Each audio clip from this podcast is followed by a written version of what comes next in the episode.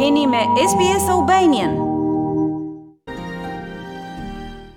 Pas karburantit dhe dhe çmimet e produkteve bazë të shportës ushqimore do të vendosen nga qeveria në bashkëpunim me përfaqësues të tregtarëve të mëdhenj dhe të vegjël.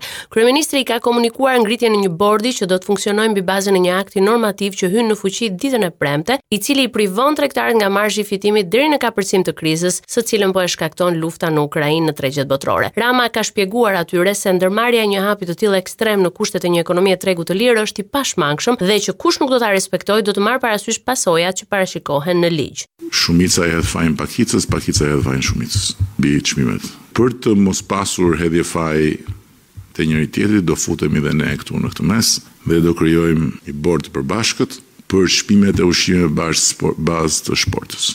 Kush do vendosë çmime të ndryshme nga çmimet e vendosura aty do humbasë prodhimin. Do t'ia konfiskojmë.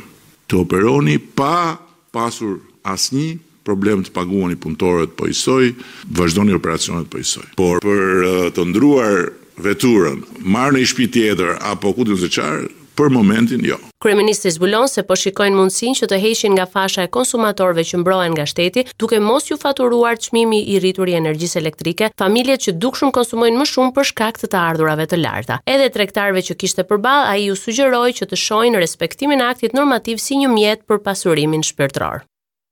I braktisur nga i gjithë grupi parlamentar, deputetët e Partisë Demokratike ia kërkuan sërish Lulzim Bashës dorëheqjen, ndonëse ky i fundit nuk është parë gjatë orëve të paradites në punimet e Kuvendit, duke qëndruar i mbyllur në zyrën e tij. Por teksa Lulzim Basha largimin e tij e ka kushtëzuar me atë të Sali Berishës, ky i fundit konfirmoi angazhimin e tij për bashkimin e demokratëve duke e ironizuar këtë të fundit. Basha foli sërish për vetëofrim për zgjidhjen e krizës, por pa artikuluar dorëheqjen e shumëkërkuar nga deputetët e grupit parlamentar. I pyetur nga mediat nëse i ka kërkuar Elmar Brok që është pjesë e CDU-së në Gjermani të negociojë për zgjidhjen e krizës në radhët e demokratëve, Basha ndau thjesht falënderime për këdo që ofrohet si pjesë e zgjidhjes së problemit në Partinë Demokratike. Ai gjithashtu ka deklaruar se është i gatshëm të bëjë çdo gjë për të bashkuar demokratët dhe Partinë Demokratike.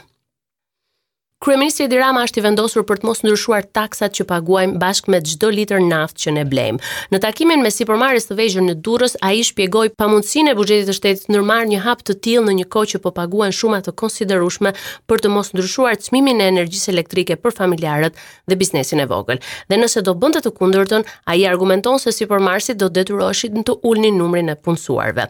Renditi të gjitha pikat e paketës së rezistencës sociale që sipas tij lehtësojnë disa kategori që preken më fort nga kriza e ndikuar nga lufta. Protestën për çmimin e naftës kryeministri e shikon si një sponsorizim politik, ndërsa për vete thotë që është kryeministri i vetëm që ka dëgjuar zërin e protestave, duke iu referuar shifrave të taksave dhe tatimeve që paguhen në vendet e rajonit, ai deklaroi se shqiptarët paguajnë shumë më pak se serbët dhe maqedonasit. Përmes një postimi në rrjetet sociale, Ministria e Jashtme ka dënuar lajmin e rremë nga Rusia duke e mohuar bombardimin e konsullatës së nderit të Shqipërisë në Kharkiv. Pamjet e shembjes flasin vetë. Ky shkatërrim i ambienteve si dhe i dokumenteve në arkiva është një shkelje flagrante e nenit 61 kreu i tretë i Konventës së Vjenës për marrëdhëniet konsullore. Dezinformimi dhe lajmet e rreme për këtë sulm janë të papranueshme, shkruan në komunikimin për shtyp Ministria jonë e Jashtme. Reagimi ka ardhur pasi gjatë paradites Rusia hodhi poshtë akuzat e bombardimit të konsullatës së nderit të Shqipërisë në Kharkiv. Maria Zaharova, zëdhënësja e Ministrisë së Jashtme, tha: Rusia hedh poshtë me forcë akuzat e Ministrisë së Jashtme shqiptare se forcat e armatosura ruse dyshohet që kanë dëmtuar ndërtesën e konsullatës së nderit të vendit në Kharkiv. Kurba e infektimeve me Covid në vend pritet të ulet edhe më tej. Pozitiviteti i testimeve ka zbritur në 8.9 për qind, ndërsa ekspertët e Institutit të Shëndetit Publik thonë se 95 për qind e rasteve të reja janë të pavaksinuar.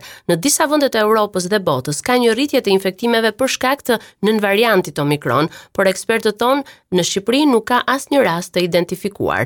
Javën e fundit është vënë re një rritje e rasteve globalisht prej 8 për qind, ndërsa Disa prej rajoneve në Azi, shtetet kryesore Kinë dhe Kore, kanë një rritje prej 25% të rasteve.